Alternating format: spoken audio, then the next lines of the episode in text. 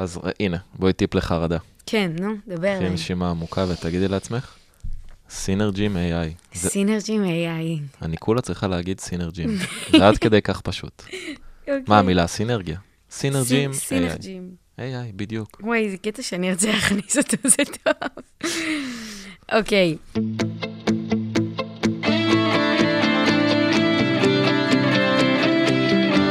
כל האוניברסיטה, מרכז האודיו של אוניברסיטת רייכמן. כל האוניברסיטה אודיוורסיטי. תוך כדי תנועה. מיקה טוחמאייר מדברת על ספורט ופסיכולוגיה. שלום לכל המאזינים והמאזינות, ברוכים הבאים לפודקאסט שלי, תוך כדי תנועה בכל האוניברסיטה.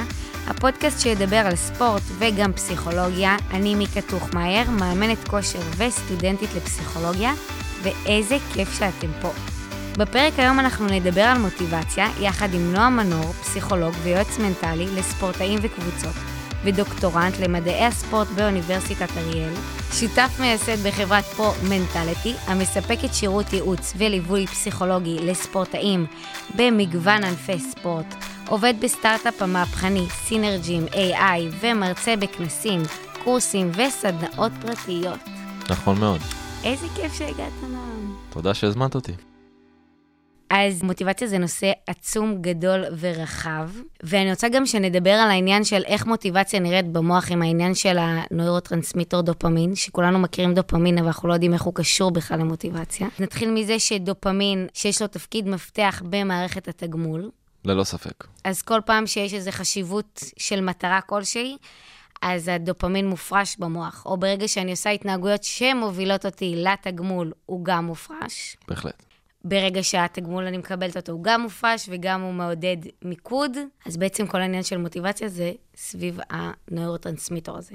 גם מבחינה התנהגותית אה, פסיכולוגית וגם מבחינה, נקרא לזה ביולוגית אה, במוח.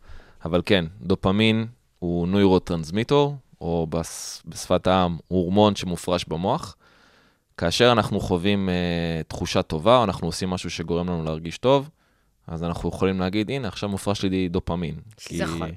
יגידו הביולוגים שבתכלס אין, אין, אין דבר כזה פסיכולוגיה, הכל זה כימי. כשמופרש לי יותר דופמין, אז אני מרגיש יותר טוב. כשמופרש לי פחות דופמין, אז זה מתבטא בתחושה פחות טובה, עצב, תסכול ודברים אחרים. אז אפשר לומר שאותם הביולוגים הם מסתכלים על זה באופן מאוד צר, מכיוון שדרך שינויים תפיסתיים אפשר להשפיע על הפרשת הדופמין, בזה עוסק ה... עוסקת הפסיכולוגיה. לשנות לפעמים את האופן שבו אתה רואה את המציאות, במידה והאופן שבו אתה רואה את המציאות הוא אופן שלא משרת אותך, ופוגע לך בסיכויים להשיג את המטרות ולקיים את האינטרסים שלך. אז שורה תחתונה, דופמין בהחלט מעורב במוטיבציה, ובני אדם מונעים, לפי הגישה ההדוניסטית, בני אדם מונעים מהרצון להרגיש רגשות חיוביים ולהימנע מרגשות שליליים, וללא ספק אנחנו רודפים אחרי הדופמין, אנחנו פשוט לא יודעים שזה, כן. מה, שזה, שזה הדופמין, אנחנו פשוט יודעים לבטא את זה כוואי, אני מרגיש טוב עכשיו, בא לי לעשות את זה עוד פעם. אז אה, אפשר להגיד, אה, אוקיי, זה, זה הדופמין שמה שהופרש וגרם לך את ההרגשה הטובה הזאת. זה בעצם הדופמין מופרש מאירועים חיוביים. בהחלט. אז זה יכול להיות ארוחת טעימה, זה יכול להיות, קיבלתי 100 במבחן וכל המשפחה החמיאה לי וקנו לי איזה משהו כיף. אנחנו פה עוסקים בפסיכולוגיה של הספורט, אז אה, הבקעתי גול, יש לי דופמין. כן. עצרתי פנדל כשוער, יש לי דופמין. אם אני מרים משקולות אולימפי והצלחתי לשבור שיא אישי בתחרות, באולימפיאדה, אז אני מפוצץ בדופמין. אז אה, כן, דופמין מעורב בכל פעולה שגורמת לנו לאושר. האושר הזה, תחושת ההנאה הזאת, זה הדופמין, ומכיוון שבני אדם מונעים מהרצון לחפש כל הזמן רגשות חיוביים, כלומר הנאה, אז אנחנו כל הזמן רודפים במרכאות אחרי הדופמין. במרכאות אני אומר רודפים אחריו. אז הגדרנו את העניין של דופמין ומוטיבציה ועל הקשר ההדוק ביניהם. בגלל זה, אגב, בגלל זה כל כך חשוב לחוות uh, תחושה של הנאה באימונים, תחושה של הישגיות, תחושה של הצלחה, כי ברגע שזה קורה, אנחנו חווים דופמין. ועוד פעם, זה מתקשר לצורך שלנו לחפש תחושות חיוביות ולהימנע מתחושות ורגשות שליליים. אז בגלל זה, בשביל להתמיד, למשל, כמו שדיברנו קודם, באימון גופני, ב exercise, אנחנו נרצה שהמתאמנים והאוכלוסייה הכללית יחוו כמה שיותר רגשות חיוביים במהלך הפעילות. אז זה גם החשיבות של המאמן, של ההכנה לאימון, אולי לעשות כזה מעין טקסים מגניבים לפני האימון, אחרי האימון. בוודאי. ארוחה שווה אחרי. בהחלט, אנחנו מאוד בעד אה, הכנה מנטלית. זה איזשהו, נקרא לזה במירכאות פרוטוקול שספורטאים עושים, כל ספורטאי עושה את זה באופן אחר לפני תחרויות חשובות, או אפילו לפני אימונים, איזשהו סט של פעולות שהספורטאי עושה כדי להגיע מוכן ומפוקס ועם ביטחון לאימון, או בדרך כלל הם עושים את זה לפני תחרויות. אז אנחנו, הפסיכולוגים בתחום האימון הגופני, כלומר עוסקים בלעזור לאנשים להתמיד, כי יש בעיה קשה מאוד של התמדה בעולם, רוב העולם לא פעיל גופנית מספיק, זה נושא שלם. אנחנו מאוד בעד להוסיף כל מיני פעולות, ונקרא לזה במרכאות, טקסים, שיעזרו לנו להגיע במוד האופטימלי לאימון, שאנחנו מרוכזים באימון, שאנחנו באים לעשות, לתת מה שיש לנו, יש ימים יותר טובים, יש ימים פחות טובים, זה הכל בסדר, אבל אנחנו נרצה לעשות איזשהו, במרכאות, טקס, כדי להגיע כמה שיותר מוכ, מוכווני מטרה, להשיג את מה שאנחנו עבורו נרשמנו לחדר הכושר או לשיעור הפילאטיס, שזה אה, ירידה במשקל, שיפור, הנרא, שיפור הנראות, אה, שיפור הבריאות, שיפור הערך העצמי, הורדת תסמיני דיכאון וחרדה, כל אחד והמטרות שלו. זה מעניין, כי לא חשבתי שעם זה אני אצא מהפרק, אבל לקחתי איתי משהו כמאמנת מהשיחה, גם עכשיו וגם ממה שהיה לנו קודם, שזה עוד לא הוקלט, על כמה חשוב התפקיד של המאמן. אני תמיד מדברת על הפן המקצועי, ואני חושבת שאני שמה על זה אולי יותר מדי זרקור, שעל העניין של ה... הקטע של הכריזמה, של להוסיף עוד דברים שידרבנו את הבן אדם, שאמרת לי, הקול הזה שחודר לך, שיש בזה משהו. תמיד אני כאילו הייתי, די, אני לא מעודדת, אני לא אוהבת את זה שמאמנים כאילו קצת כזה מתפזרים באימון, אבל יכול להיות שיש לזה באמת חשיבות, שאני קצת זלזלתי בה. קודם כל, אנחנו כל החיים לומדים, ויש תמיד את תהליכי למידה. מי שמכיר את הכדורגלן אה, קריסטיאנו רונלדו, שהוא אחד השחקנים היותר מצליחים בהיסטוריה, אז הוא, הוא היום בגיל 38, הוא גם אמר לפני תקופה איזשהו משפט שאני מאוד לקחתי. ביום שאני אבין שאין לי יותר לאן להשתפר, אני פורש. והנה הוא לא פורש, כי הוא תמיד מבין שהוא יכול להיות יותר טוב. אז זאת הגישה שצריכה להניע אותנו. אוקיי, אז, אז היה חסר לי איזשהו ידע, ובזכות אירועים כאלו ואחרים בחיים, למשל בזכות הפודקאסט פה, אז אה, הרחבתי את הידע שלי וקיבלתי איזשהו, עוד איזושהי נקודת מבט על החיים ועל העולם האימון. ללא ספק שאנחנו, שפן מאוד משמעותי באימון מוצלח, זה היכולת לגעת באנשים, לא פיזית כמובן, אלא היכולת לגעת בהם רגשית, לדעת מה ה trigger points שלהם, גם, לא ברמה של הפיזיותרפיה trigger points, יותר ברמה הרגשית, מה נוגע בהם, מה מניע אותם, איך אני יכול לדבר אליהם באופן שיתאים להם כדי לגרום להם לעשות פעולות שהם לא רוצים לעשות, כדי להשיג דברים שהם רוצים להשיג. כן. שזה... יפה. אפשר להגיד שזו הגדרה של מנהיגות. מאוד חשוב האופן שבו המאמן מדבר למתאמן, האווירה שהמאמן יוצר באימון, זה נקרא בשפה המקצועית אקלים מוטיבציוני. איך אני מדבר למתאמן, איך אני מעודד אותו, איזה תפיסה אני מעודד באימון. הצלחה בכל מחיר, או פחות מעניין אותי אם עשית עכשיו שמונה או עשר חזרות, יותר מעניין אותי שנתת הכל כדי להשיג את המטרה. אז באימון הבא אתה תצליח עשר חזרות במתח. אבל אני רואה שאומנם הצלחת שמונה היום, אבל אני רואה שנתת הכל, וזה מה שחשוב לי. פחות התוצאה, יותר התהליך והמאמץ. אז זה ללא ספק עולם שלם, והמנהיגים המצליחים ביותר, המנהיגים והמאמנים המצליחים ביותר, אנחנו רואים את זה בספרות המקצועית של הפסיכולוגיה של הספורט, אלו מאמנים שיש להם אה, אינטליגנציה רגשית גבוהה, שזה היכולת שלהם אה, להבין את הרגשות של האחר, לראות. להשפיע, לראות, לגלות אמפתיה. לה... יכול להיות שאני כמאמן כושר, או את כמאמנת כושר, לך יותר קל לא לאכול את הקורסון הזה בעבודה. אבל לצורך העניין לרבקה, המתאמנת שלי, אני נותן רבקה שם בדוי, זה לא קל. לנו זה קל, לה זה לא. הכי קל לי להגיד מה הבעיה, למה היא פשוט לא, כן. לא מוותרת על זה. אבל לה זה קשה מהרבה סיבות, דרך אגב. אז היכולת שלנו כמאמנים להבין את נקודת הקושי ולהבין שלה זה כן קשה.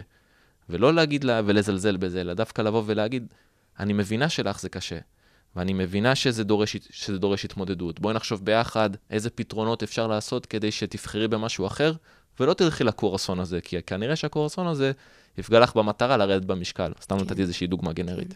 להיכנס לנעליים של המתאמן, זה גם עוד משהו שאני זוכרת שאמרתי על uh, מאמן כושר, שצריך לדעת איך לנגן על כל מתאמן. בול. לרקוד איתו באיזה מוזיקה שמתאימה לו, כי יש כאלה שצרחות, ריקודים, זה מתאים לו, אבל יש כאלה שדווקא זה שאתה תרד ממנו, ותהיה קצת יותר לייט, זה יעבוד לו. אז זה העניין הזה שאמרת על אינטליגנציה רגשית. בוודאי. לא כל המתאמנים רוצים שיגידו להם על כל דבר יופי, וכל הכבוד, ואיזה מדהים אתה, ויש את המילה הנפוצה היום, אלוף. כל כך קשה להיות אלוף, אתם יודעים מה זה להיות אלוף אולימפי, או אלוף עולם, או אלוף אירופה, או אלוף ישראל, זה כל כך קשה. אה, אפילו אלוף השכונה זה להיות קשה, אז אה, היום כל אחד נהיה אלוף. אז uh, אין ספק שיש אנשים שיותר צריכים את העידוד הזה, כי הם מגיעים מנקודה אחרת. יש אנשים שאתה כל הזמן תגיד להם את זה, זה כבר יאבד מהמשמעות. אז אנחנו צריכים לדעת להבין מי עומד מולנו. כלומר, גם בלי ידע מקצועי, לא חייבים ללמוד את זה באוניברסיטה, שיעור באישיות, אבל להבין מי עומד מולי. Uh, תמיד uh, מומלץ לקרוא ספרים בתחום כדי לדעת uh, לזהות תכונות כאלו ואחרות, ואז לדעת להתאים את ההתנהגות שלי לבן אדם. אבל אנחנו צריכים לדעת, להבין מי עומד מולנו כדי לדעת איך להניע אותו באופן ספציפי, כי רבקה היא לא כמו יוסי, נכון. ורבקה היא גם לא כמו דנה. כי רבקה הייתה בקרקל בשירות הצבאי שלה, והיא בן אדם מאוד הישגי, ובן אדם שיודע להתמודד עם קשיים, החוסן המנטלי שלה מאוד גבוה, ורבקה כבר 30 שנה לא קמה מהספה, ויש לה סוכרת מסוג 2, והיא מתמודדת עם השמנה חריפה, אז אני לא יכול לדבר אליהן באותה שפה, ואני לא יכול לצפות מהן את אותן ההישגים, את אותם ההישגים. זה רק אה, דוגמה. טוב, שחינו ליד המילה מוטיבציה, ואני רוצה שניתן הגדרה. יאללה. מה זה מוטיבציה? למרות שזה יכול להישמע מאוד ברור לכולנו. אז אוקיי, אז אנשים יודעים להסביר איך נראית מוטיבציה. זה קל להם, אבל כשאני שואל אותם בקורס שלי על הפסיכולוגיה של הספורט, תגדירו מוטיבציה. הדממה שיש עכשיו, זה הדממה שיש, כן. אז uh, תראי, תראי, מוטיבציה זה אולי התחום הכי נחקר בפסיכולוגיה, כי זה הלמה שמאחורי ההתנהגות, זה מה שמניע אנשים לעשות את מה שהם עושים. מלבוא לפה להקליט פודקאסט, למזוג לעצמי כוס מים, לרוץ מרתון. הכל זה מוטיבציה. מוטיבציה זה דלק פסיכולוגי, זה, קלור, זה הקלוריות המנטליות שלנו. אוקיי, בואו נדבר בשפה הזו. ויש המון הגדרות, תלוי לפי איזה מודל או תיאוריה אנחנו הולכים. אבל סך הכל, הכל נע סביב ההגדרה הבאה. הכיוון ומידת המאמץ שהאדם מוכן להשקיע. עכשיו, על פניו, כיוון, מידת מאמץ, נפרק את זה רגע כן. לגורמים ותראי כמה זה פשוט וגם... מאזינים. זהו, אז אה, מאזינים, כן. אז אה, ככה, מאוד, באופן מאוד פשוט ו- וקצר. הכיוון ומידת המאמץ שהאדם מוכן להשקיע. כלומר, אנחנו מבינים שמוטיבציה מחולקת לשניים. כדי שתתקיים מוטיבציה, צריך שתהיה לי מטרה, לרדת במשקל, לעלות במסת שריר, לזכות במדליה אולימפית, או אפילו ללכת למזוג לעצמי כוס מים. מטרה, לא כל מטרה זה צריך להיות משהו גרנדיוזי, ארוך טווח, אה, לזכות אה, במדליה אולימפית, שזה עכשיו יש לי ארבע שנים להתכונן. לא.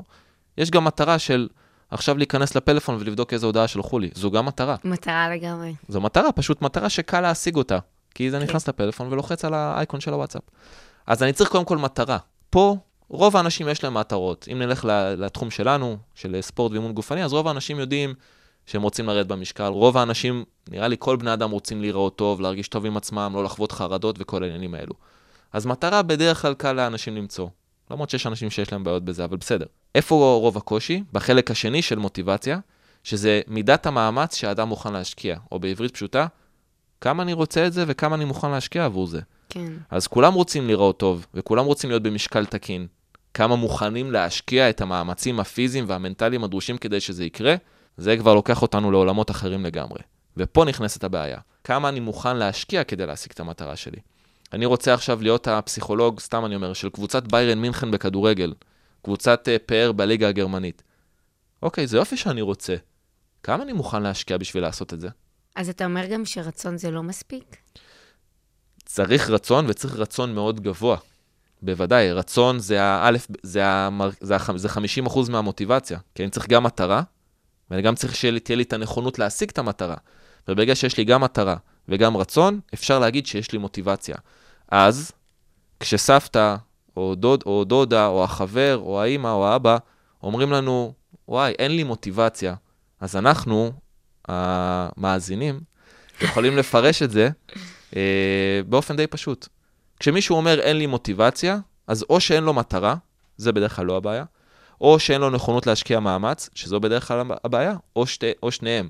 אני גם לא רוצה להתאמן, ואני גם לא מוכן להשקיע את המאמץ בשביל זה. אני חושבת שגם יש אה, בעיה עם העניין של להגדיר את המטרה. יכול להיות שיש לך מטרה ואתה לא מצליח לדברר אותה כזה. תראי, אז uh, אנשים יודעים להגיד מטרות כלליות, אנחנו כאנשי מקצוע רוצים לעזור להם להיות קצת יותר ספציפיים, כי אם אני, אוקיי, אני רוצה לרדת במשקל. מטרה. מטרה. רגע, אתה רוצה לרדת 100 קילו? אתה רוצה לרדת חצי קילו? מה זה בשבילך הצלחה? אז אין ספק שאנחנו כאן אנשי מקצוע, גם פסיכולוגים וגם uh, מאמני כושר, וגם מאמני ספורט בטח, שכאלה שעובדים עם ספורטאים הישגים. אנחנו רוצים לדעת, לעזור להם uh, להיות קצת יותר ספציפיים, ולהבין בדיוק מה הם רוצים ובאיזה טיים פריים, בכמה זמן אתה רוצה להשיג את זה. כי אני יכול גם לרדת קילו בשנה, כן. או שאני יכול להגיד לעצמי, אני רוצה לרדת קילו בשבועיים. אז צריך קצת, קצת יותר להיות ספציפיים. אז יש חשיבות לעניין של להגדיר מטרות קטנות וריאליות בעניין של מוטיבציה. אמרנו שזה חלק שמרכיב את זה, אז אנחנו בוודאי. נרצה להגדיר מטרה, לא לרדת במשקל, אני רוצה לרדת שתי קילו בחודשיים. אז כן, אז אוקיי, אני רוצה לרדת במשקל, ואז השאלה הבאה זה, כמה את רוצה לרדת, דודה רבקה? ואז דודה רבקה אומרת, אני רוצה לרדת עשרה קילו בשבוע. אז מה שאני אגיד לדודה רבקה זה, רבקה, את קצת חיה בסרט. את אה, קצת זה understatement. את אה, לא איתנו בעולם, עדיף שתעשי חישוב מסלול מחדש. זה כמובן, אני אומר את זה בצחוק, אנחנו נרצה להסביר לדודה רבקה שזו לא מטרה ריאלית. כן. וברגע שאני מציב לעצמי מטרה שהיא לא ריאלית, שזו מטרה שאי אפשר להשיג אותה, אז אני נידון לכישלון. ואז מה קורה לאנשים שהם חווים תחושת כישלון? מה קורה? יורדת להם המוטיבציה. ואז הם חוזרים להתנהגויות הקודמות שלהם, שזה לשבת על הספה, לזלול וכדומה. אמרת על תחושת כישלון, ואני יכולה להגיד לך, אולי אצלי ה... אני עובדת אחרת. תחושות שאני חווה כישלון, או תחושה לא טובה, או כל חוויה של לא, או משהו כזה, זה פי מאה יותר מניע אותי. יש איזה מישהי באוניברסיטה של א', למדתי איתה, והיא אמרה לי פתאום באמצע תקופת מבחנים סוערת, למדנו כל מבחן, תקשיבי, מיקה, את לומדת מה זה לאט? אנחנו לא לומדות יותר יחד. נשבר לי הלב, אני אמרתי, אני, היא, היא הייתה המורה שלי, אמרתי, אני עכשיו בכוונה, על המשפט הזה, אני הולכת להוציא כל מבחן מעל 95, בלעדיה לבד. להוכיח לעצמי שאני לא צריכה עוד בן אדם איתי, ועל זה שגם כשאני לומדת קצת יותר לאט, אני, אני כאילו מנצחת את זה, וזה נתן לי, מה זה מוטיבציה? או, ופה נכנסים כבר מאפייני אישיות. Mm. עכשיו, מה הקטע? אנחנו דיברנו ברמה המאוד שטחית. כן, אין ספק ש... שבני אדם הם יצורים סופר מורכבים, שמושפעים גם מגורמים חיצוניים וגם מגורמים פנימיים. גורמים פנימיים זה נגיד אה, מאפייני האישיות שלנו, התכונות הפסיכולוגיות שלנו, האיכויות הפסיכולוגיות שלנו, וגורמים חיצוניים זה יכול להיות מזג אוויר, זה מה אימא אומרת לי, מה, איך המאמן מדבר אליי. אז אין ספק שאנחנו יכולים להסתכל על כישלון בשני אופנים, וזה בדיוק נכנס פה העניין, כי אנחנו קודם כל דיברנו ברמה שהיא מאוד שטחית. נכון. אבל איך זה יכול להיות שיש אנשים שחווים כישלון והם ממשיכים לנסות? איך זה יכול להיות? אז זו התנהגות שהיא מאוד מורכבת, יש הרבה גורמים שמשפיעים, אבל ניגע בגורם אחד, שזה היכולת להסתכל על מכשולים כאתגרים ולא כעל איום. בדרך כלל כשאנשים חווים כישלון, הם מסתכלים על זה כמשהו מאיים. זה מאיים על הערך העצמי שלי, זה אומר שאני בן אדם גרוע, שאני חסר יכולות. ולמה שבן אדם ירצה לעשות פעולה שגורמת לו להרגיש את זה? כן. אז יכול להיות שאני מרגיש את זה בהתחלה, ואז אני אומר לעצמי, אוקיי, יכול להיות שלא ניסיתי מספיק. יכול להיות שאם אני אנסה שוב, אז אני כן אצליח. פה כבר נכנס החוסן הנפשי של הבן אדם, חוסן נפשי, חוסן מנטלי, אותו דבר, שזה יכולת להתמודד עם קשיים, מצוקות, ולהמשיך קדימה ולא לפרוש. אז יש אנשים שיותר גבוהים ביכולת הזו, זה לא שיש לי או אין לי. יש אנשים שיותר גבוהים ביכולת הזו, יש אנשים שנמוכים יותר ביכולת הזו, אבל המרכיב הפסיכולוגי הזה הוא סופר קריטי להתמודדות עם מכשולים, דרך זה שזה עוזר לבן אדם לצפות ולהסתכל על מכשולים כעל אתגרים זמניים. שאם אני אעשה X, Y, Z, אז יש לי דווקא סיכוי טוב כן להתגבר על זה. כלומר, הם יכולים לעשות בדיוק הפוך, לשאוב את המוטיבציה מחוויית הכישלון. אגב, הרבה ספורטאים מצליחים אמרו את זה. לברון ג'יימס, קריסטיאנו רונלדו, לברון ג'יימס הכדורסלן אחד המצליחים בהיסטוריה, קריסטיאנו רונלדו, דיברנו עליו קודם, והמון ספורטאים אחרים. אז uh, לגמרי. אז ברגע שאנחנו נגדיר את הכישלון, אני לא אוהבת להגיד כישלון, כי דווקא הרבה כישלונות הם דווקא מובילים אותנו לדברים אה, חיוביים, לשיעור. אם נגדיר את הכישלון, נמסגר אותו מחדש, אז זה יוביל אותנו למוטיבציה, כי כביכול אנחנו נראה את האירועים השליליים כחיוביים. לא בדיוק כחיוביים, אלא כמאתגרים. כלומר, אירועים, או, אני חווה עכשיו קושי, זה לא שהכל בסדר והכל טוב לי, זה לא חיוביות רעילה. שהכל בסדר והכל קליל והכל זורם. לא, קשה לי עכשיו. אני עכשיו נמצא במצב שהוא מאתגר, אבל שימי לב, מאתגר ולא מאיים. כשאנשים חווים כישלון, בהרבה, בהרבה תחומים, אה, כל אחד, יש אנשים שחווים את זה, אגב, זה יכול להשתנות בין תחומים, יש אנשים שנגיד מתכנת, שהוא יודע שהוא תותח בזה, שהוא יחווה אתגרים, הוא לא ישר יפרוש, הוא ינסה לפתור את זה, אבל כשיש לו היסטוריה של חוסר הצלחות בפעילות, בהתמדה באימונים, שזה מגיע מהילדות, וזה כבר עולם שלם, זה כבר נושא לפודקאסט אחר, אז יכול להיות שהוא יראה את זה כאיום על הערך העצמי שלו, הנה, שוב אני אפס, שוב אני לא מצליח, ולקחת את זה למקומות מאוד מאוד עמוקים ושליליים. אז, אנחנו, אז זה לא שזה, אני, אני חווה עכשיו מצב לא נורא, הכל בסדר. לא, הכל לא בסדר, אבל איך אומר אה, השותף שלי, תמיר? זה לא שהכל טוב, אבל הכל לטובה. כלומר, אוקיי, אז אני עכשיו נמצא במצב שהוא מאתגר ו... וקשה לי, אבל מאתגרים צומחים. כן. כי רק, רק, ש... רק כשאני חווה איזשהו קושי בחיים, אני הופך לבן אדם יותר חזק, לא כשהכול קל לי, נכון? כן. אז uh, זה היכולת לראות במצבים מאתגרים, כ... במצבים uh, קשים כמאתגרים ולא כמאיימים. זה בדיוק השוני, אתגר אל מול איום. נכון, אבל עכשיו השאלה שלי זה שברגע שאני משנה, ממסגרת את ה... בדיוק, מסגור. מסגור מחדש, אז אני בעצם עובדת על המוח שלי, אני יכולה כאילו, יכול להיות שהאירוע השלילי הזה, אם אנחנו אומרים שיכול להיות שהוא הפריש פחות דופמין, עכשיו כן. אולי זה הפריש יותר דופמין. בוודאי, זה בדיוק, פה נכנסת הפסיכולוגיה. אגב, הסיפור הזה של מסגור מחדש, ומה שנקרא באנגלית Cognitive Restructuring, זה, יש uh, גישות טיפוליות שלמות שמבוססות uh, בין היתר על הטכניקה הזו, כל ה-CBT, כן?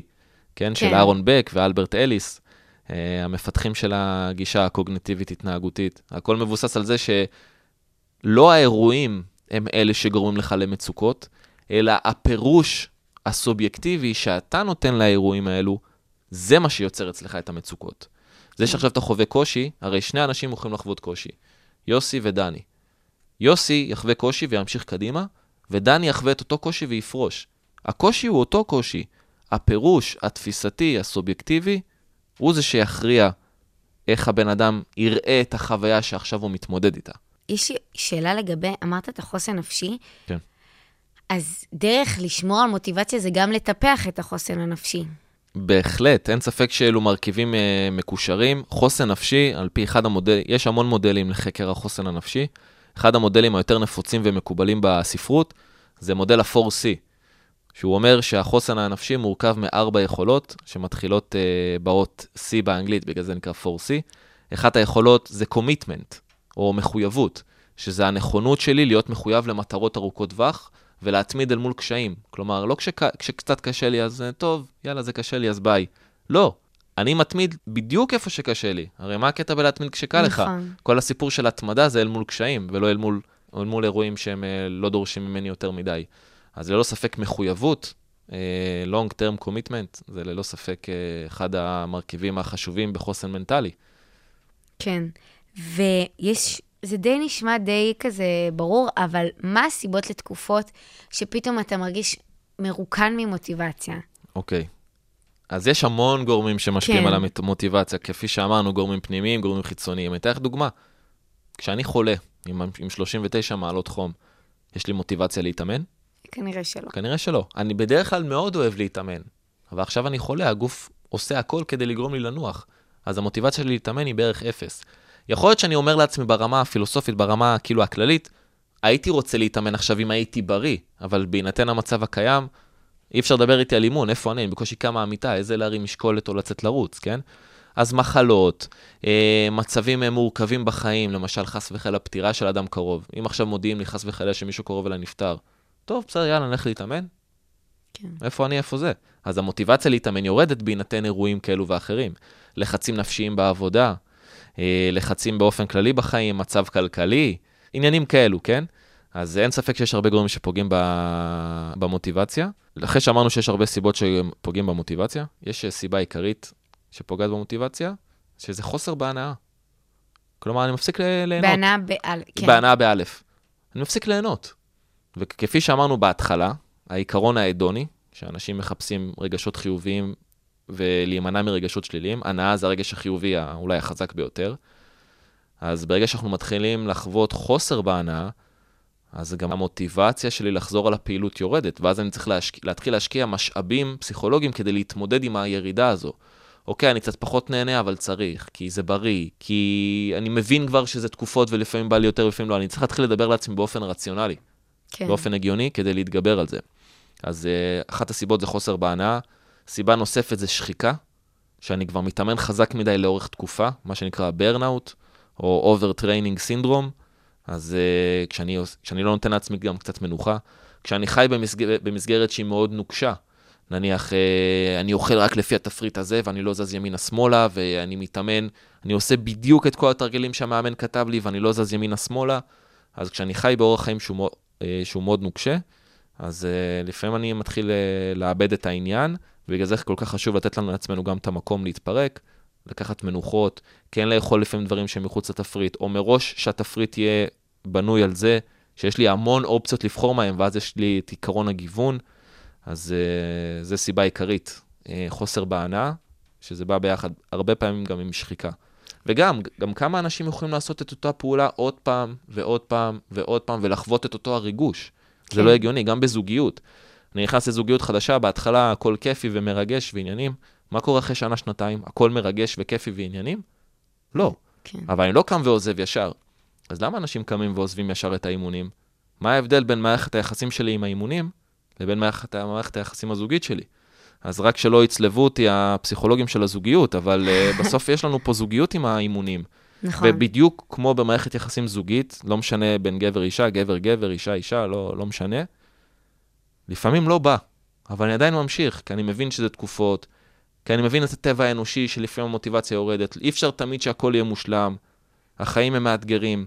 אותו דבר ככה אנחנו צריכים להסתכל על פעילות גופנית. כן. ברגע שאנחנו מבינים את זה, הרבה יותר קל להתמיד. כי כמו שאני לא ישר עוזב את הזוגיות, אני גם לא ישר אעזוב את האימונים ויחזור הביתה לספה. יש הקבלה בין האימונים, אפשר לראות את האופי של המתאמן דרך האימונים שלו ודרך האימונים והחיים מאוד מקבילים, בין בהחלט. אם זה בעבודה, ב...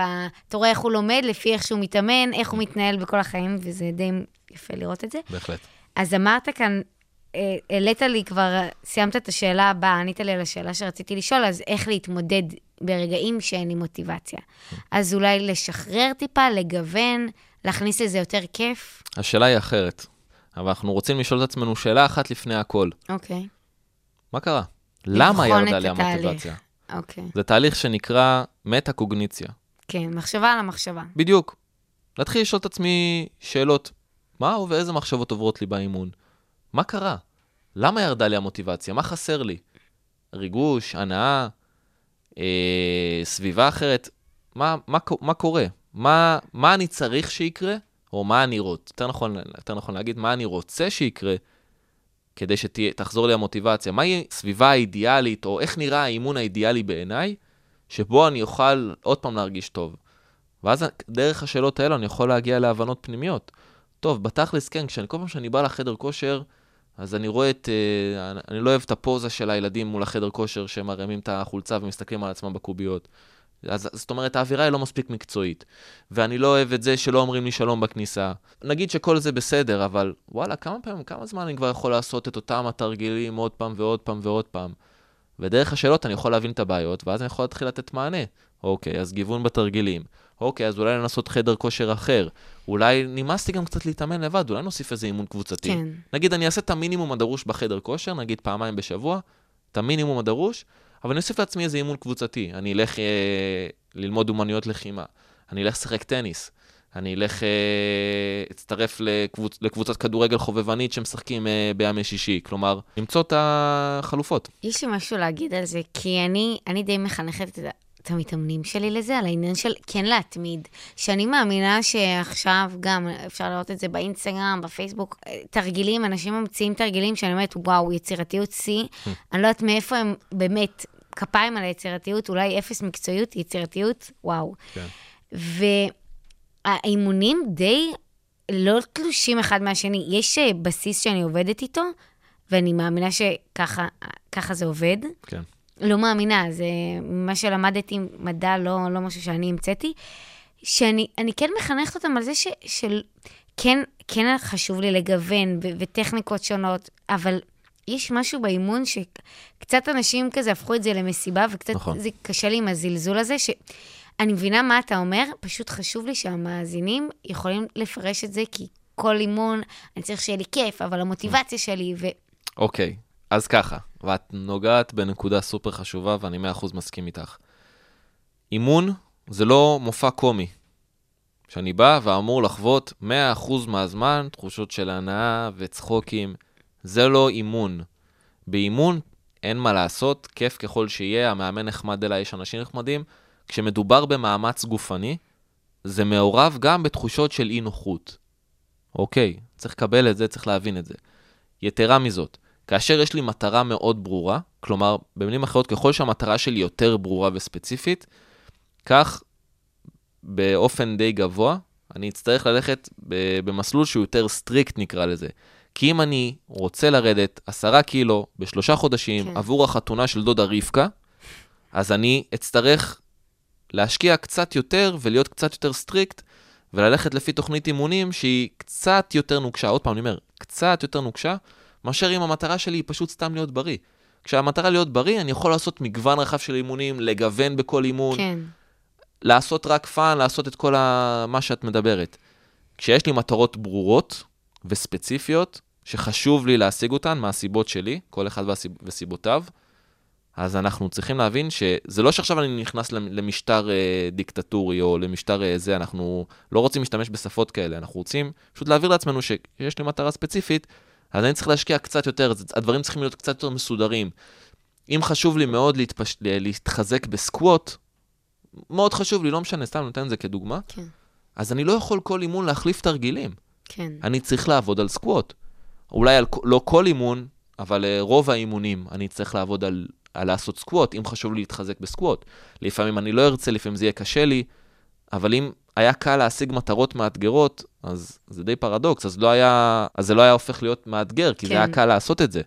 ואין ספק שאנחנו רוצים להשיג דברים שהם חשובים לנו, אז אנחנו צריכים להתמודד עם קשיים שעולים במהלך הדרך. אז זה מאוד פשוט. מי שהמטרה שלו זה סתם להזיז את הגוף, אין שום בעיה שהוא יגוון כל אימון. הוא אומר, לא מעניין אותי לרדת במשקל, לא, אני פשוט רוצה להיות יותר פעיל, שיהיה רק fun באימון. אנשים שיש להם מטרה יותר מסודרת, אז צריך ללכת במסלול שהוא קצת אחר, וצריך להבין את זה. כן. אז זה, זה העניין של לשלם את המחיר, כי אנחנו לפעמים חושבים שאפשר לקבל את כל החבילה. באיזה דבר בחיים אפשר לקבל כן, את כל החבילה? זה נכון. אבל לפעמים הרבה אנשים שוכחים את זה. נכון. הבנו שיש את האימפקט של האישיות שלי, שהיא משפיעה על המוטיבציה שלי, אז מן הסתם שאולי לי יהיה יותר מוטיבציה מדודה רבקה. עכשיו... אגב, זה לא רק אישיות, אנחנו כן. רוצים להדגיש את זה. יש אנשים ש... תראי, הנה, אפילו כתבתי את זה, את זה לעצמי פה, והנה זה עולה. יש מאפיין אישיות, כלומר איזשהו מאפיין של בני אדם מסוימים, שנקרא הצורך בהישגיות. need for achievement, ככה זה נקרא. זה צורך שיש לאנשים מסוימים. שוב, זה לא שזה או שיש לי או שאין לי, זה, זה נע על סקאלה, כמו כן. 1 עד 10. כמו שעושים שאלוני אישיות, אז מ-1 עד 5, אה, אני אוהב את עצמי. מ-1 עד 5, כמה כן. אתה מסכים עם זה? אז כאלה, אז אפשר לשאול כל מיני שאלות שקשורות בהישגיות, ואז להבין כמה האדם הוא בן אדם הישגי. אז לצורך העניין, יש את המאפיין אישיותי הזה, כמו מאפייני אישיות אחרים, שנקרא הצורך בהישג, וזה נטייה אישיותית של אנשים להגיע לרמות גבוהות של ביצועים ולהשיג הישגים משמעותיים בחייהם. יש אנשים שזה מאוד מניע אותם, הצורך הזה בהישג. יש אנשים שפחות. ואנשים שצריכים את הצורך הזה בהישג, אז הם יחפשו גם סיטואציות שבהן הם יכולים להביא את זה לידי ביטוי. אבל, ברגע שאני לא נהנה מהפעילות אף פעם, וברגע שאני בא לאימון, ואימון זה סביבה הישגית. כן. למרות שזה לא חייב להיות תחרותי, כמו אימון גופני, כן, אבל זה צריך איזושהי הישגיות שלך מול עצמך. המאמן מדבר אליי לא יפה, האנשים לא נחמדים, התרגילים כואבים לי בברכיים ובכתפיים. אז מה זה משנה שיש לי צורך בהישגיות? למה שאני אעשה לעצמי רק סבל? כן. איפה ההנאה? אז, אז כן, אין ספק שיש אנשים שצריכים את הצורך בהישג, אבל לא פחות חשוב מזה, צריך גם ליצור סביבה ש...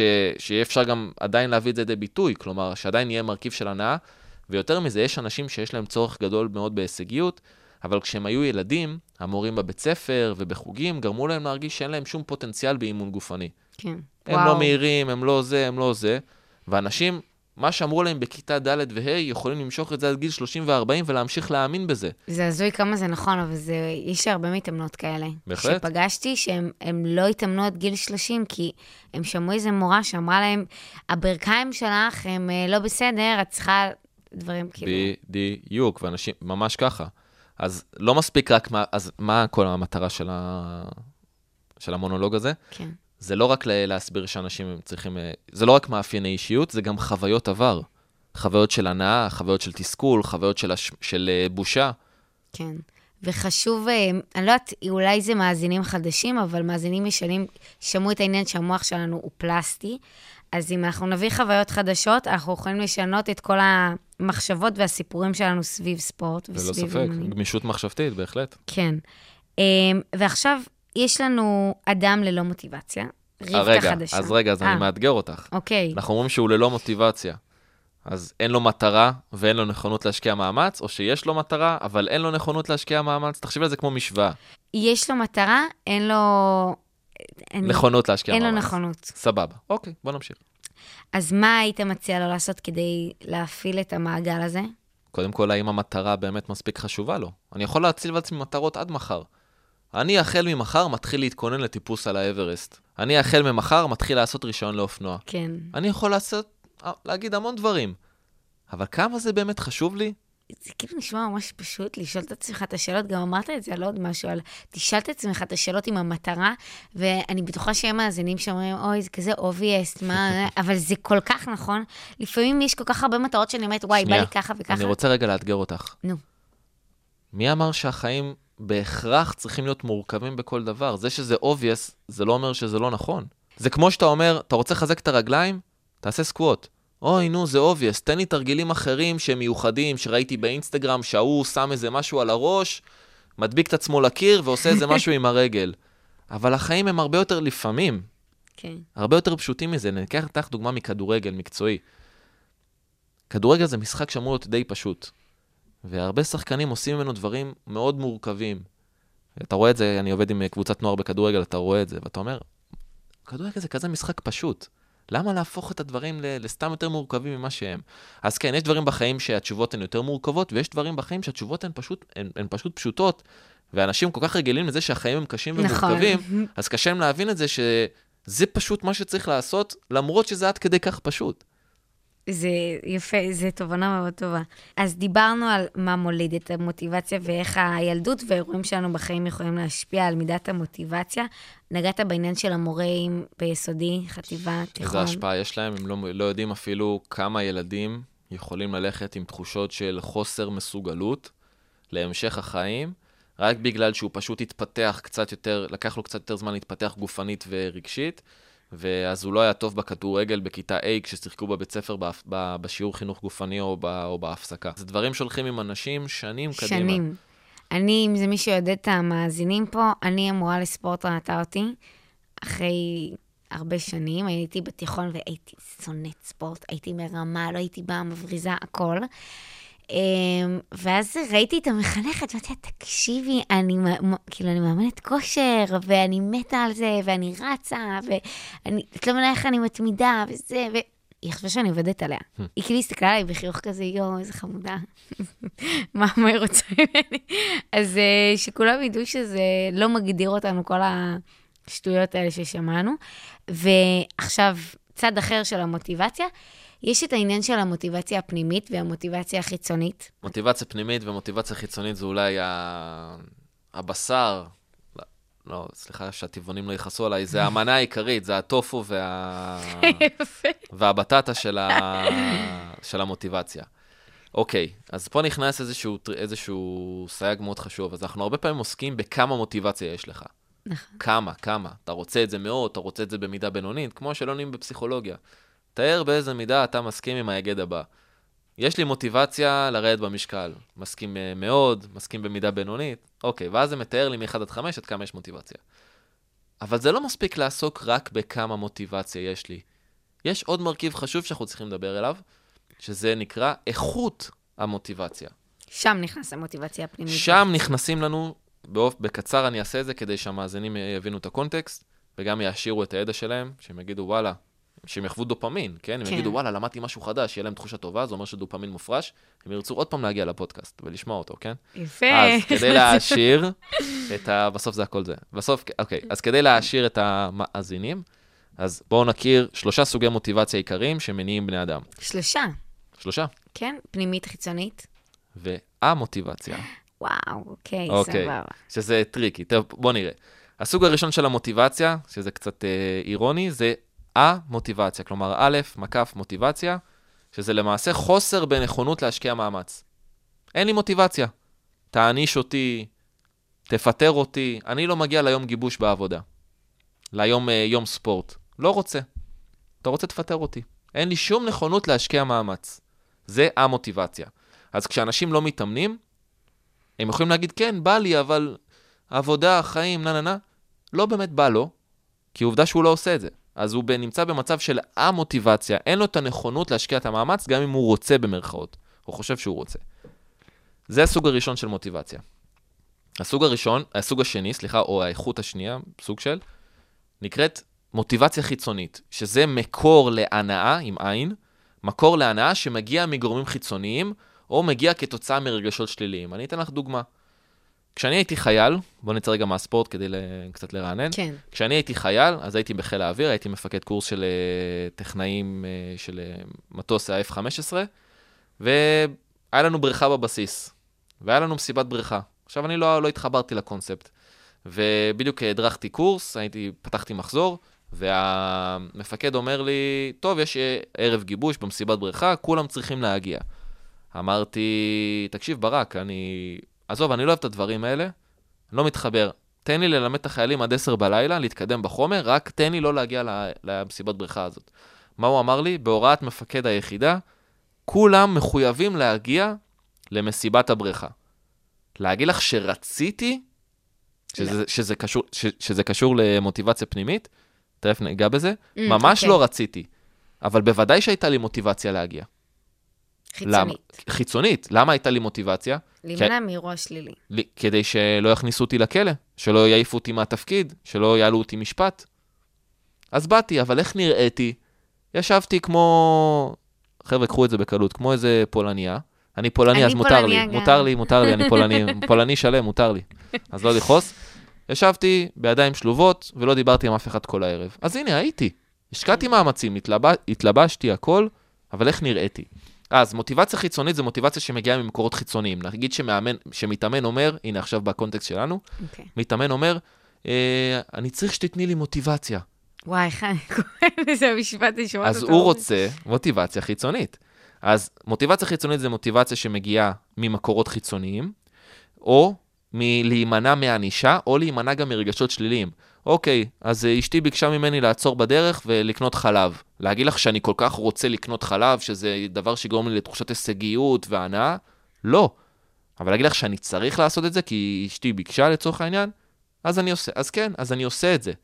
כדי להימנע מאחר כך שהיא, בואו תזרמו חבר'ה, שהיא תאכל לי את הראש אחרי זה בבית, כן. אוקיי? אז כל מוטיבציה שכזו, מוטיבציה שמגיעה ממקור של פחד, ממקור של אני לא רוצה להרגיש תחושת אשמה אם לא הגעתי, אני מגיע לאימון כי כבר קבעתי עם המאמן, יענישו אותי אם לא, כי צריך, כל פעולה שאני עושה ב- בשפת העם כי צריך, זה מוטיבציה חיצונית. משהו שהוא לא אני, מבחוץ. שזה לא מגיע, תראי, זה, תראי, גם הפחד מש- שיקרה אה, לי זה משהו, זה שלי. כאילו סוג של פנימי, אבל אם אנחנו הכי נפשט את זה, זה צריך מול רוצה. מוטיבציה חיצונית זה צריך. אני עושה פעולה מסוימת כי צריך. אני אתן לך דוגמה. כשמתאמן מגיע לאימון שלך, והוא אומר לך, וואלה, לא היה לי, שום, לא היה לי מוטיבציה היום, אבל באתי כי קבענו, אח שלי, היה לך אחלה מוטיבציה. ממש אתה לא יכול להגיד לי שלא הייתה לך מוטיבציה. פינית זמן, התלבשת, השקעת מאמצים, התמודדת עם מחשבות שניסו להגיד לך לא להגיע, השקעת מגה מאמץ. פשוט לא עשית את זה ממקור פנימי. אז כשמתאמן אומר, הגעתי למרות שלא, שאין לי מוטיבציה, זה בכלל לא נכון. הוא מתכוון, הגעתי למרות שאני לא רוצה. יפה. זה מה שהוא כן. מתכוון. אבל לגמרי הייתה לו את הנכונות להשקיע מאמצים, כי הנה הוא פה. הוא השקיע מאמצים והוא בחר לעשות את זה ולא כל פעילות אחרת. אז זה מוטיבציה חיצונית. אוקיי. והסוג השלישי זה מוטיבציה פנימית. פה כבר נכנס ההיבט של אני עושה כי אני רוצה. אני נכנס לזוגיות כי אני רוצה. אני מתחתן כי אני רוצה, ולא כי לוחצים עליי בסביבה, כי נהוג להתחתן בגיל 27. אני, מת, אני מתחתן כי אני רוצה להיות עם אהובתי. כן. אני מתחיל, אני מתאמן כי אני נהנה מזה, כי זה גורם לי תחושת סיפוק, זה גורם לי תחושה של הגשמה עצמית, זה תורם לי, זה, זה משפר לי את הבריאות ואני אוהב את זה. נגיד, הדוגמה הכי טובה לפעילות שהיא מוטיבציה פנימית זה התנדבות. תחשבי, אתה עושה את זה לא כי אתה חייב, לא כי אתה צריך, אתה אפילו לא מקבל על זה גמול כספי, אגב, גם גמול כספי זה מוטיבציה חיצונית. כן. אתה עושה את זה כי זה מספק אותך. זה מוטיבציה פנימית. עכשיו, אנשים בכל פעולה מונעים מכמה סוגים של מוטיבציות. נניח, אני יכול להיות בזוגיות כי טוב לי בזוגיות הזו, אבל לפעמים לא טוב לי בזוגיות, נכון? לפעמים יש ריבים, לפעמים יש כן. משברים.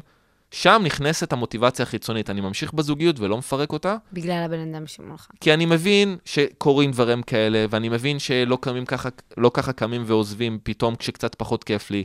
כלומר, אני, כרגע אני נשאר כי צריך, עוד מעט אני יודע שזה יתחלף לי ב- כי אני אוהב. ואז עוד פעם זה ירד, עוד פעם יהיה משבר, טוב, אני ממשיך כי צריך, אבל עוד פעם, עוד מעט זה יתחלף, ועוד פעם ברוצה, ש- שהיחסים יהיו בתקופה יותר טובה.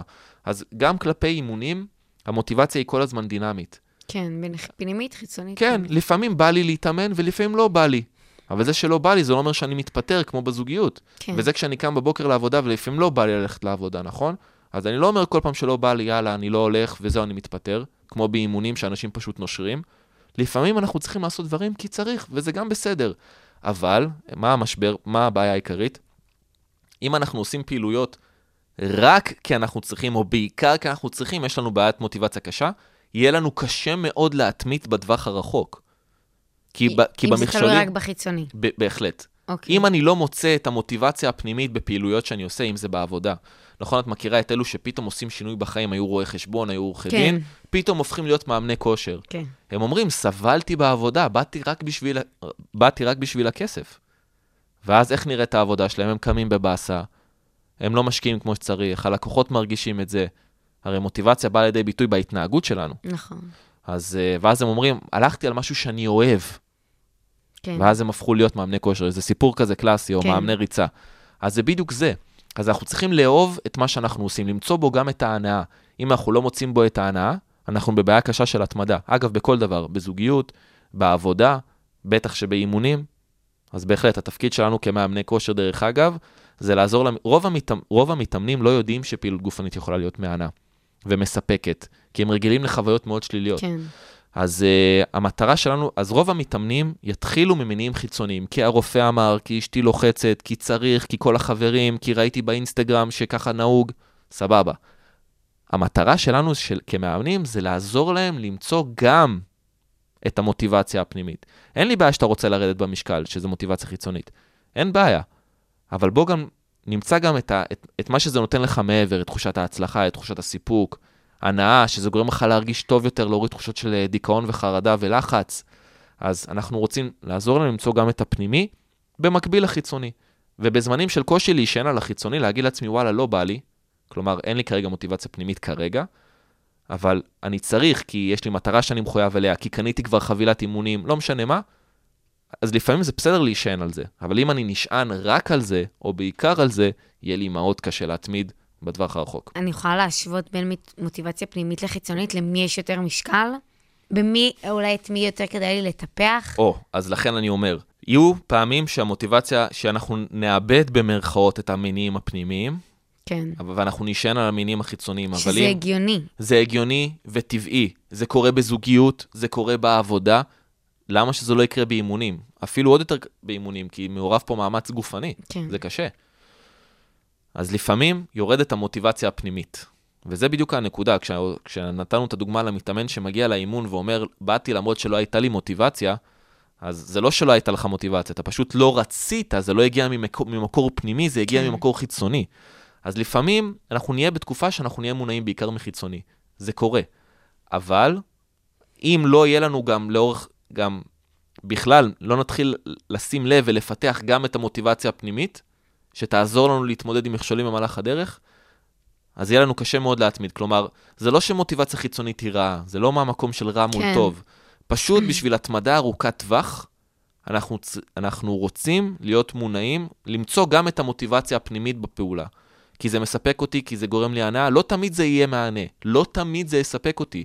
אבל אנחנו צריכים, שוב, אנחנו רוצים שיהיה לנו גם את ה... לדעת להסתכל על המרכיבים האלו, אם לא רוב הזמן, אז 50-40 אחוז מהזמן. אם אני אהיה מעונן בעיקר ממוטיבציה חיצונית, יהיה לי קשה מאוד להתמיד. שחקני כדורגל מצליחים לא מונעים מהכסף.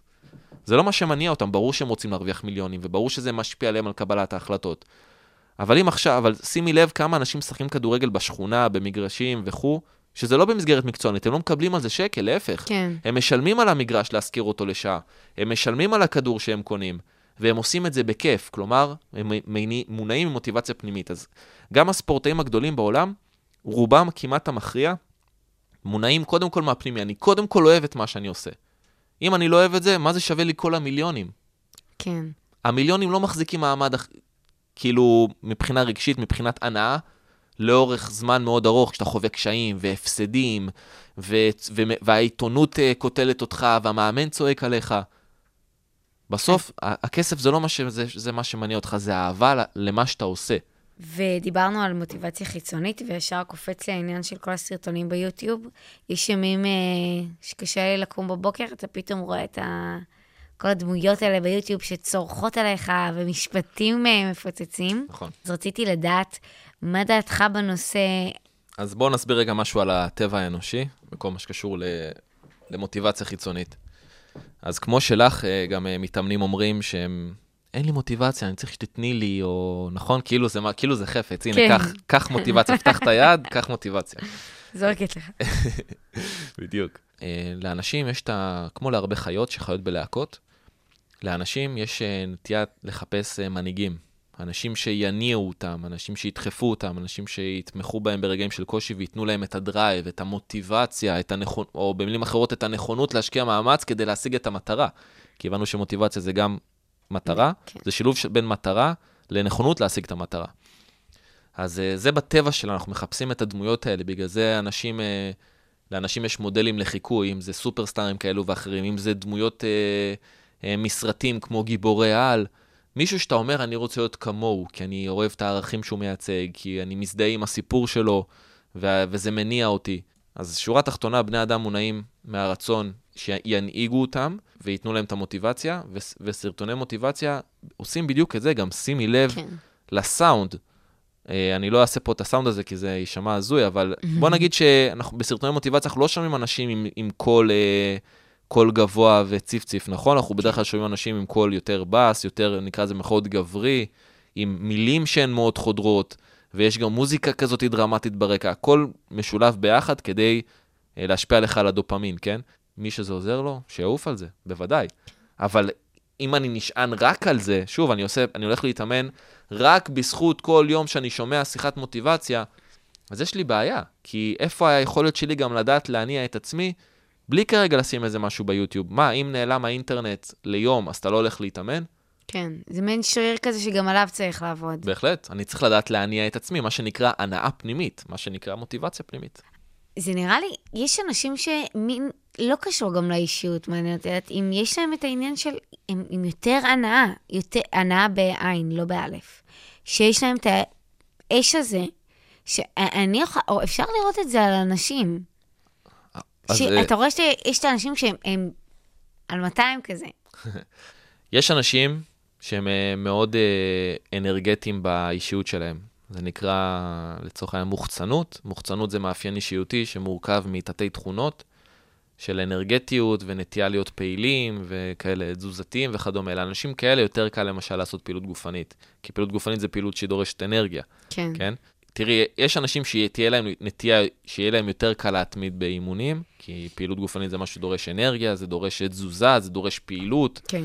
ויש אנשים שבאישיות שלהם, ב- ב- בליבה הכי עמוקה שלהם, בחיבורים העצביים במוח שלהם, כי ככה, ככה זה אישיות למעשה, זה חיבורים כאלו ואחרים שהם ברמה העצבית במוח, שיש להם נטייה להיות כאלו. אז הם יחפשו פעילויות שהם יכולים להביא את האישיות שלהם לידי ביטוי, למשל פעילות גופנית, שבו, שבה אני רץ, עושה, אה, קופץ, מרים, תלוי בפעילות כמובן. אז זה לגבי אישיות ו- ופעילות גופנית. כמו שאמרנו, יש גם צורך בהישג, שיש אנשים שרוצים, שמחפשים לה, להרגיש תחושות של, של הישגים משמעותיים בחיים, ו- וזירה של פעילות גופנית. תראי, ספורטאים חייבים להיות הישגיים, כן. כי ספורט זה הכל סביב הישגיות. אבל גם אנשים שהולכים להתאמן בחדר הכושר, אז או, ב- או, ב- לא משנה, חדר הכושר או ריצה, זו סביבה שהיא הישגית, כי זה דורש התמודדות מול קשיים, בעיקר פנימיים, גם חיצוניים, אבל הרבה פנימיים, של לא בא לי, כן בא לי, קשה לי, רע לי, ולהתמודד עם זה ולהגיע להישגים, להגיע למשקל היעד, להגיע לנראות שתמיד חלמת עליה אה, וכדומה. אז אה, זה שילוב בין כל מיני מאפייני אישיות, וגם בין חוסן מנטלי, ששוב, פה כבר נכנס. הקטע של הלא כזה בא לי, אבל וואלה, אבל נועם, צריך. כאילו, אני מבין שלא בא לך. כלומר, זה דיאלוג, ככה נראה דיאלוג של אדם שיש לו חוסן מנטלי, כן? או שיש לו שליטה עצמית גבוהה, גם שליטה עצמית, control, נכון אמרנו מודל ה-4C כן. של חוסן מנטלי, אז יש commitment, מחויבות, עוד מרכיב זה control, שליטה. אז היכולת שלי אה, להתגבר על פיתויים כדי להשיג מטרת ארוכת טווח במקום מטרה קצרת טווח. מטרה כן. קצרת טווח זה לנוח עכשיו, אבל מטרה ארוכת טווח זה להשיג את, את גוף החלומות או את משקל היעד. אז היכולת להתגבר על הפיתוי, לעשות את מה שבא לי עכשיו, כדי להשיג את מה שבא לי אחרי. אז זה מורכב מהרבה תתי תכונות. מי שרוצה לב- לבוא לפסיכולוגיה ולקבל תשובות שהן straight forward, כן. מקום, זה לא מקומו. כן. נעבור לכמה שאלות שאני ביקשתי מהמאזינים. אה, אמרתי להם, מה בא לכם לשאול? מגיע נועה מנור, הוא פסיכולוג ספורט, אנחנו נדבר על מוטיבציה. אז אני אשאל פה שתי שאלות שעלו שנראות לי הכי רלוונטיות. אוקיי, איך אומרים? hit me with your best shot. כן, אז ככה, נתחיל בשאלה הראשונה. כן. אני וחברות שלי תמיד מתווכחות אם מוטיבציה להתאמן ולאהוב ספורט מתבססת יותר על מאמן או על סוג האימון. נגיד אם מישהי לא עשתה ספורט מעולם ופתאום התחילה לעשות פילאטיס אצל מישהי והיא ממש מתמידה.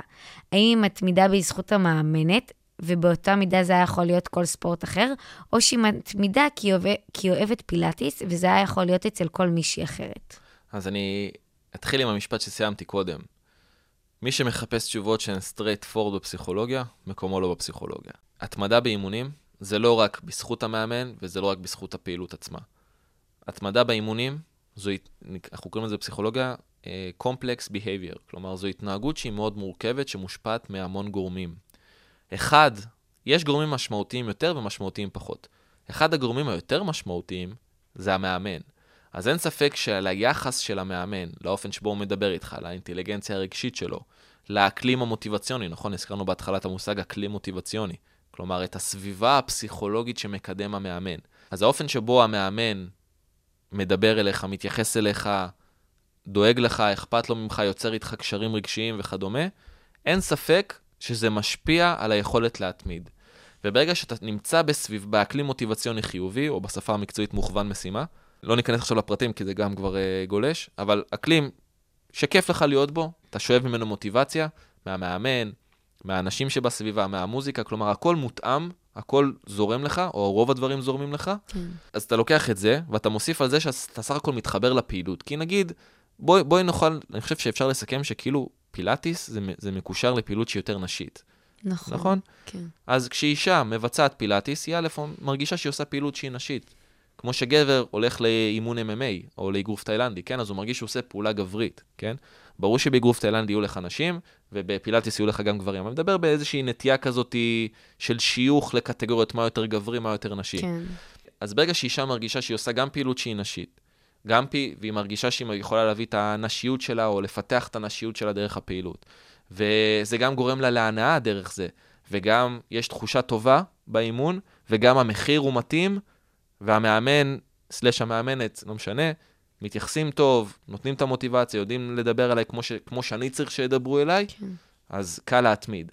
אז לכן, התמדה בפעילות זה לא רק הפעילות, זה לא רק המאמן, זה שילוב של המון גורמים, כאשר ללא ספק, ברגע שאתה מתאמן בקבוצה או באימון אישי, המאמן הוא דמות אולטרה מרכזית בסיפור הזה, אין ספק. אבל זה לא רק זה. כי אם אני בא לאימון, המאמן הוא אחלה, אבל אני לא מתחבר לפעילות. כן. הפעילות היא נשית לי מדי, הפעילות היא גברית לי מדי, הפעילות כואבת לי. אין, לא מוצא את החיבור, אז זה יופי שיוסי הוא מאמן נפלא. אני לא מתחבר לפעילות. כן. אז צריך שיקרו כמה דברים ביחד. זה כמו תבשיל, זה לא רק הקמח או רק הביצים. זה הקמח, כן. הביצים, זמן האפייה, התבלינים. נכון. זה העניין של, אה, עוד פעם, גם, זה האחריות של המאמן. שכל מתאמן זה כמו מתכון.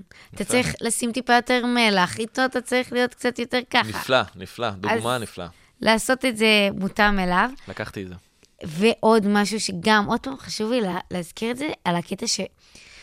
אני רואה הרבה פעמים שבאים, זה קורה לי הרבה כי אני בעולם של האימוני משקולות, אני בעיקר אימוני כוח, ובנות רואות את הדברים האלה, הן, לא, זה לא תרגיל בשבילי, זה לא ככה, זה לא ככה, אז בא לי שזה יסתיים לגמרי, אמ, שזה לכל המינים ואין פה הבדלים.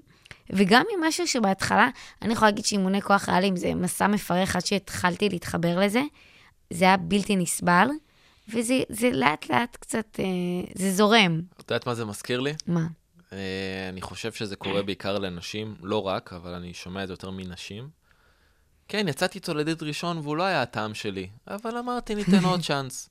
ואז פתאום הוא היה נחמד, ופתאום הוא היה רגיש, ופתאום הוא זה, ופתאום אני חושבת שהוא הכי חתיך בעולם. אה, נכון? אז זה, זה בדיוק זה. לא כל פעם שעשינו איזושהי פעולה פעם אחת, זה אומר שזה בהכרח לא בשבילנו.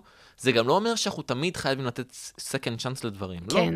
אבל, אבל החיים הם מפתיעים, ולפעמים משהו שהיה נראה לי לא, פתאום הוא מאוד כן, בהינתן שינויים כאלו ואחרים. בהינתן קצת הזמן. מעניין מה שאמרת. שלא יחשבו פה שאנשים uh, צריכים לתת לכל דבר second chance כן. בחיים, אני לא תומך בזה. זה כמובן תלוי עד כמה רע היה לי ו- וכדומה, אבל יש מקומות שכן, יש מקומות שלא. אין לי פה איזשהו playbook, איזשהו, איזשהו ספר חוקים. הנה עשר, אה, זה, שעזרו, עשר אה, חוקים שעזרו לך להבין מתי לתת second chance, מתי לא. אין לי. כן. זה תלוי מאוד בסיטואציה, אבל צריך להיות גמישים. ונעבור לשאלה השנייה, שזה אימא שלי שאלה. כן. אימא שלי היא מרתוניסטית, ודווקא היא הבן אדם עם הכי הרבה מוטיבציה שפנימית, חיצונית, כל מה שיש, יש לבחורה הזו. אוקיי. אמ, היא שאלה, מה עושים בבקרים שאני מתה ללכת לישון, אבל שעון מעורר, אה, השעון שלה זה לארבע וחצי בבוקר, ואין לה כוח לצאת לריצה ארוכה. מה היא יכולה להגיד לעצמה? מה...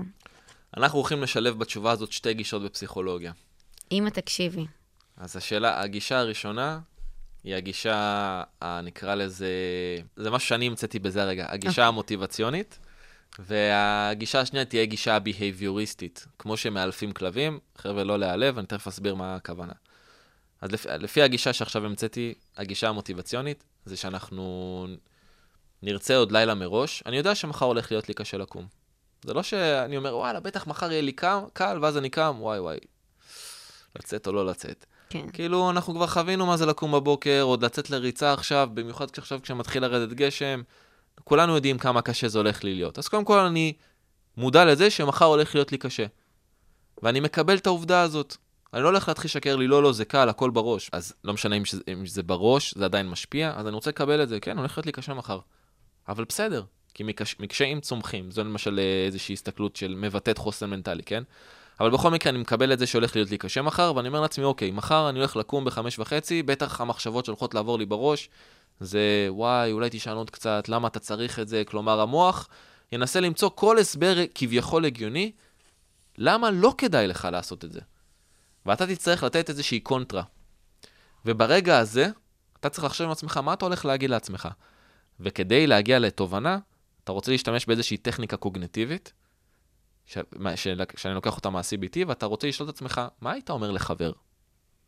עכשיו יפה. חבר, חבר שואל אותך, תקשיב, אה, יוסי, מחר אני הולך לקום בבוקר, הולך להיות לי קשה, מה? תעודד אותי.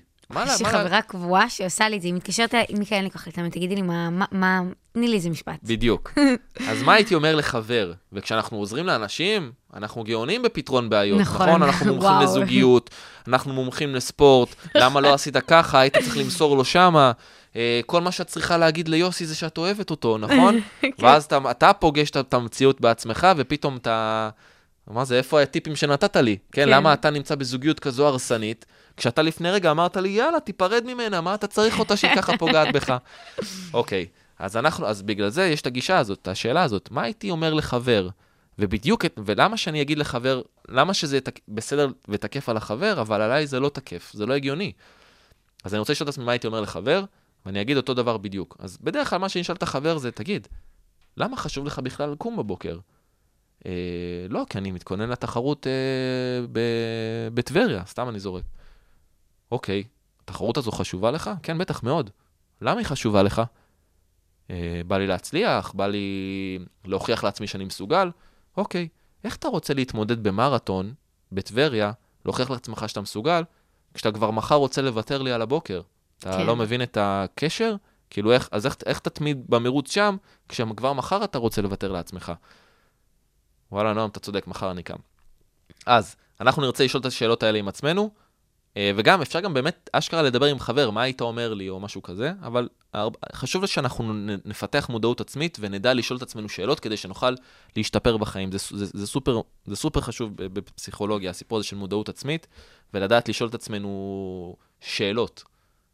זה, אז- עוד פעם ואז- חזרנו לעניין הזה של אימונים והחיים עצמם.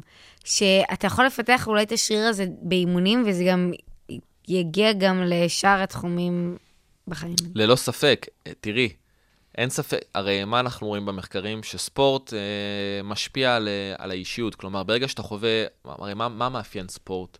ספורט הישגי, אני אומר, אגב, לא רק, אבל גם אבל ספורט הישגי, שאתה צריך ללמוד להתמודד עם קושי, ולעבוד עם גורם סמכות, בין אם אתה בענף ספורט יחידני או קבוצתי, אז אם אתה בקבוצה, זה גם לדעת לעבוד בקבוצה עם אנשים, אתה משפר, או המטרה היא אצל רוב האנשים זה משפר את היכולות החברתיות, כי הם לומדים איך לעבוד עם אנשים בקבוצה כדי להשיג מטרה משותפת. נכון. ולקבל מרות מדמות שהיא סמכות והיא מאמן, ולא מתחצפים ולא עונים ומקבלים את המרות. אה, ואם זה בספורט יחידני, אז איך לדעת לעשות את הדברים האלה לבד, כש, כשאין לך חבר'ה לקבוצה שאומרים לך, לא נורא על הטעות, אני אכפה עליך. אתה מצליח, זה 100% שלך. אתה לא מצליח, זה 100% גם שלך. אז אתה לומד המון על עצמך, דרך ההשתתפות בספורט, כי זה מפגיש אותך עם המון אתגרים. בגלל זה כל כך חשוב שנשלח ילדים אה, לספורט, כי הם, הם חוקרים את עצמם ומגלים על עצמם דברים, גם בהיבטים החברתיים וגם בהיבטים האישיים, איך להתמודד עם החיים. כי בחיים יש גם המון אירועים שאנחנו צריכים להתנהל עם אנשים, ויש גם המון אירועים שאנחנו צריכים להתנהל עם עצמנו לבד. כן. עם המחשבות שלנו ועם הקשיים שלנו. אז אה, זה לגבי זה. אז אני אגיד לאימא שלך לחשוב מראש מה היא הייתה אומרת לחברה, לשאול את עצמה את השאלות שאמרנו, ולהגיד לעצמה, מחר בבוקר, ברגע שקשה, אני אומרת לעצמי, רגע, מרתון טבריה. אני אספר לך סיפור על ספורטאית שאני עובד איתה. אה, לא משנה שמות, לא משנה ענף ספורט, כי אז יהיה ברור מי זו, ואני צריך לשמור על... מה זה צריך? אני רוצה לשמור כן. על, ה... על החיסיון. אז uh, היא התכוננה באיזשהו ענף ספורט לאליפות עולם, וכשהיא נכנסה לעשות תרגיל כזה או אחר בענף הספורט שלה, היא הייתה אומרת לעצמה שני מילים. כלומר, היא הייתה משתמשת בדיבור עצמי מוטיבציוני, היא הייתה נותנת לעצמה מוטיבציה, לעצמה דיבור עצמי, דרך שני, שתי מילים, אליפות עולם.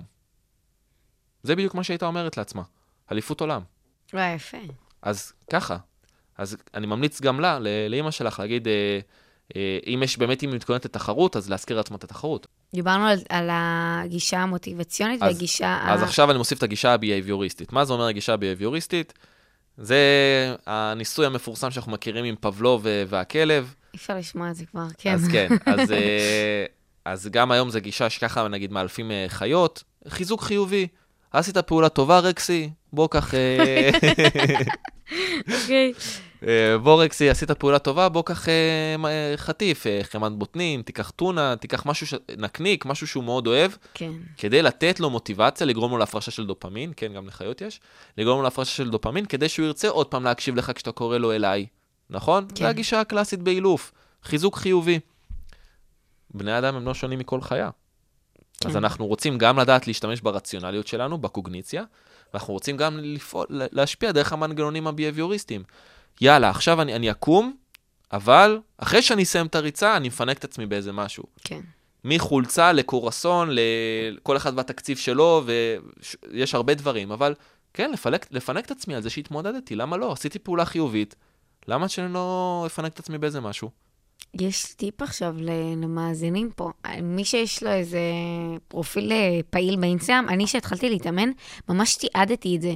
ואז כל פעם שהייתי כזה, יואו, איזה מתמידה, יואו, איך נתנת לי מוטיבציה, ואז הייתי, וואי, אני כאילו, פתאום זה היה כזה, זה היה מוטיבציה חיצונית, הייתי, אני, לא נעים לי, אני צריכה לשמור על הדמות שבניתי לעצמי פה. בהחלט, בהחלט. אז כן, זאת, זה, זה הטיפ. גם להשתמש בגישה הביוריסטית, כלומר חיזוק חיובי, מראש כבר להכין לעצמי מילים שאני הולך להגיד לעצמי בבוקר, כשהמוח הולך לנסות לעשות הכל, אה, מה שנקרא דיבור עצמי ספונטני, שזה דיבור עצמי שעולה לי בלי שליטה, שזה בדרך כלל רוב הזמן עם טון שהוא שלילי, ואז אנחנו נרצה לה, להשתמש בדיבור עצמי, goal directed זה נקרא, או מוכוון משימה, שבו אני מזכיר לעצמי, אבל רגע, יש לי את אליפות טבריה. או רגע, אבל זה חשוב לי, בא, אני רוצה להצליח, כאילו הבטחתי לעצמי. אז עכשיו קשה לי, אחרי זה אני אפנק את עצמי במשהו. מהם הנקודות שהיית שם עליהן דגש בשביל מתאמנים כדי לשמור על מוטיבציה באימונים שלהם? אז כדי להתמיד באימונים, כמו כדי להתמיד בזוגיות, אז אנחנו נרצה להרגיש תחושת מסוגלות או יכולת, אני, רוצה, אני ארצה להרגיש שאני טוב במה שאני רוצה, במה שאני עושה, אני ארצה להרגיש שיש לי זכות בחירה על הדברים שאני עושה אה, בחדר הכושר או באימון, ואני ארצה להרגיש שייך. כלומר, חדרי כושר צריכים לשים דגש על יצירת תחושת קהילה, שייכות, שהמתאמנים נכון. ירגישו שייכים למקום. ואיפה אנחנו רואים את זה הרבה קורה? בסטודיואים. דווקא כשיש אווירה יותר אינטימית וקטנה, אנשים נכון. מרגישים מאוד קשורים. וכשבן אדם יש מרגיש תחושת שייכות למקום ולמאמן, אז הוא ייתן מעצמו יותר. זה בדיוק העניין. ברגע שהשלושת הצרכים הפסיכולוגיים הבסיסיים מקבלים ביטוי, המתאמן יהיה מונע ממוטיבציה פנימית, ויהיה לו הרבה יותר קל להתמיד. טוב, אז נועם, מה זה? תודה שהגעת. נהניתי. וואו, כאילו היה פ... באמת, יצאתי מפה עם הרבה, ואני בטוחה שגם המאזינים מאוד נהנו. אה, ותודה לכם, מאזינים ומאזינות. פרקים נוספים של תוך כדי תנועה תוכלו לשמוע בכל האוניברסיטה, בספוטיפיי ובכל אפליקציות הפודקאסטים המוכרות. לעוד מידע על נועם וכל מה שהוא עושה, תיכנסו ללינק למטה, הכל יהיה רשום. יאללה ביי.